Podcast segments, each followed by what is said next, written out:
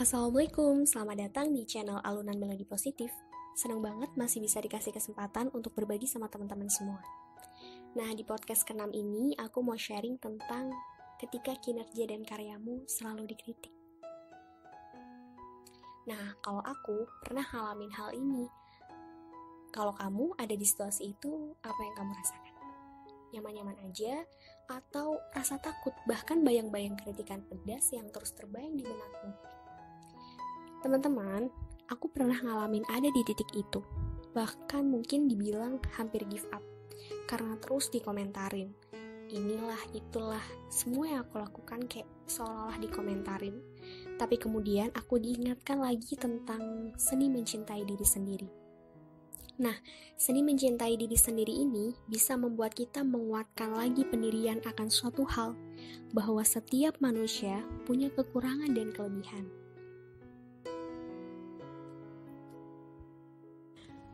Di buku Seni Bersikap Bodo Amat, mengajarkan kita untuk tidak perlu mendengarkan semua kata-kata orang. Kalau ada usulan yang baik, boleh kita dengarkan. Tapi, tidak semua usulan harus kita terima karena kita yang berhak untuk menentukan pilihan atas diri kita.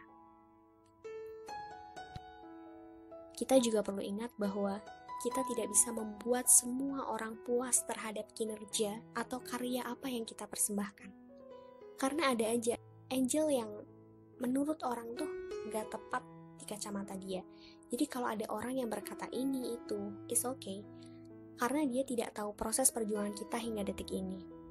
Kalau kata Helmi Yahya, seseorang yang berhasil sangat ditentukan dari kemampuan dia memilih, memilah mana yang terbaik yang harus dilakukan.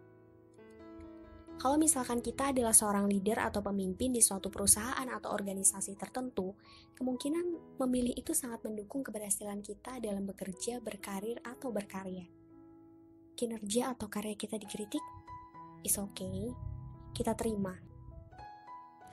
Tapi kita akan memilih mana usulan yang baik, mana yang tidak. Karena belum tentu usulan si A baik, itu baik untuk kita Sebab ketika kita ingin mengadopsi, kita ingin melakukan, merealisasikan usulan tersebut, kita perlu kondisi tertentu. Kita sebagai pribadi diperlukan karakter tertentu, padahal karakter setiap orang itu berbeda. Kita nggak bisa memuaskan semua semua keinginan orang, semua uh, kepuasan standar orang. Kita nggak bisa. Apa pun pekerjaan yang kita lakukan, pasti ada aja yang mengkritik ada aja angel yang berbeda dari apa yang kita maksud.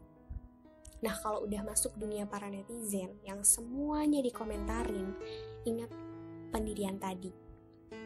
Kita harus memilih dan kita harus tahu betul diri kita agar tahu mana komentar yang konstruktif atau membangun dan mana komentar yang ngaco atau menjatuhkan. Sehingga kita nggak buang-buang waktu, pikiran, dan lain-lain. Dan lain-lain cukup kritikan itu ada yang harus dijawab, ada yang harus kita abaikan. Ingat, jadilah diri kita dan cintailah diri kita untuk tetap kuat dalam setiap kondisi. Karena hanya kita yang tahu siapa kita dan bagaimana caranya agar kita tetap struggle. Oke, mudah-mudahan yang singkat ini bisa bermanfaat ya. Mohon maaf jika ada salah dan terima kasih sudah mendengarkan. See you next time. Insyaallah. Wassalamualaikum.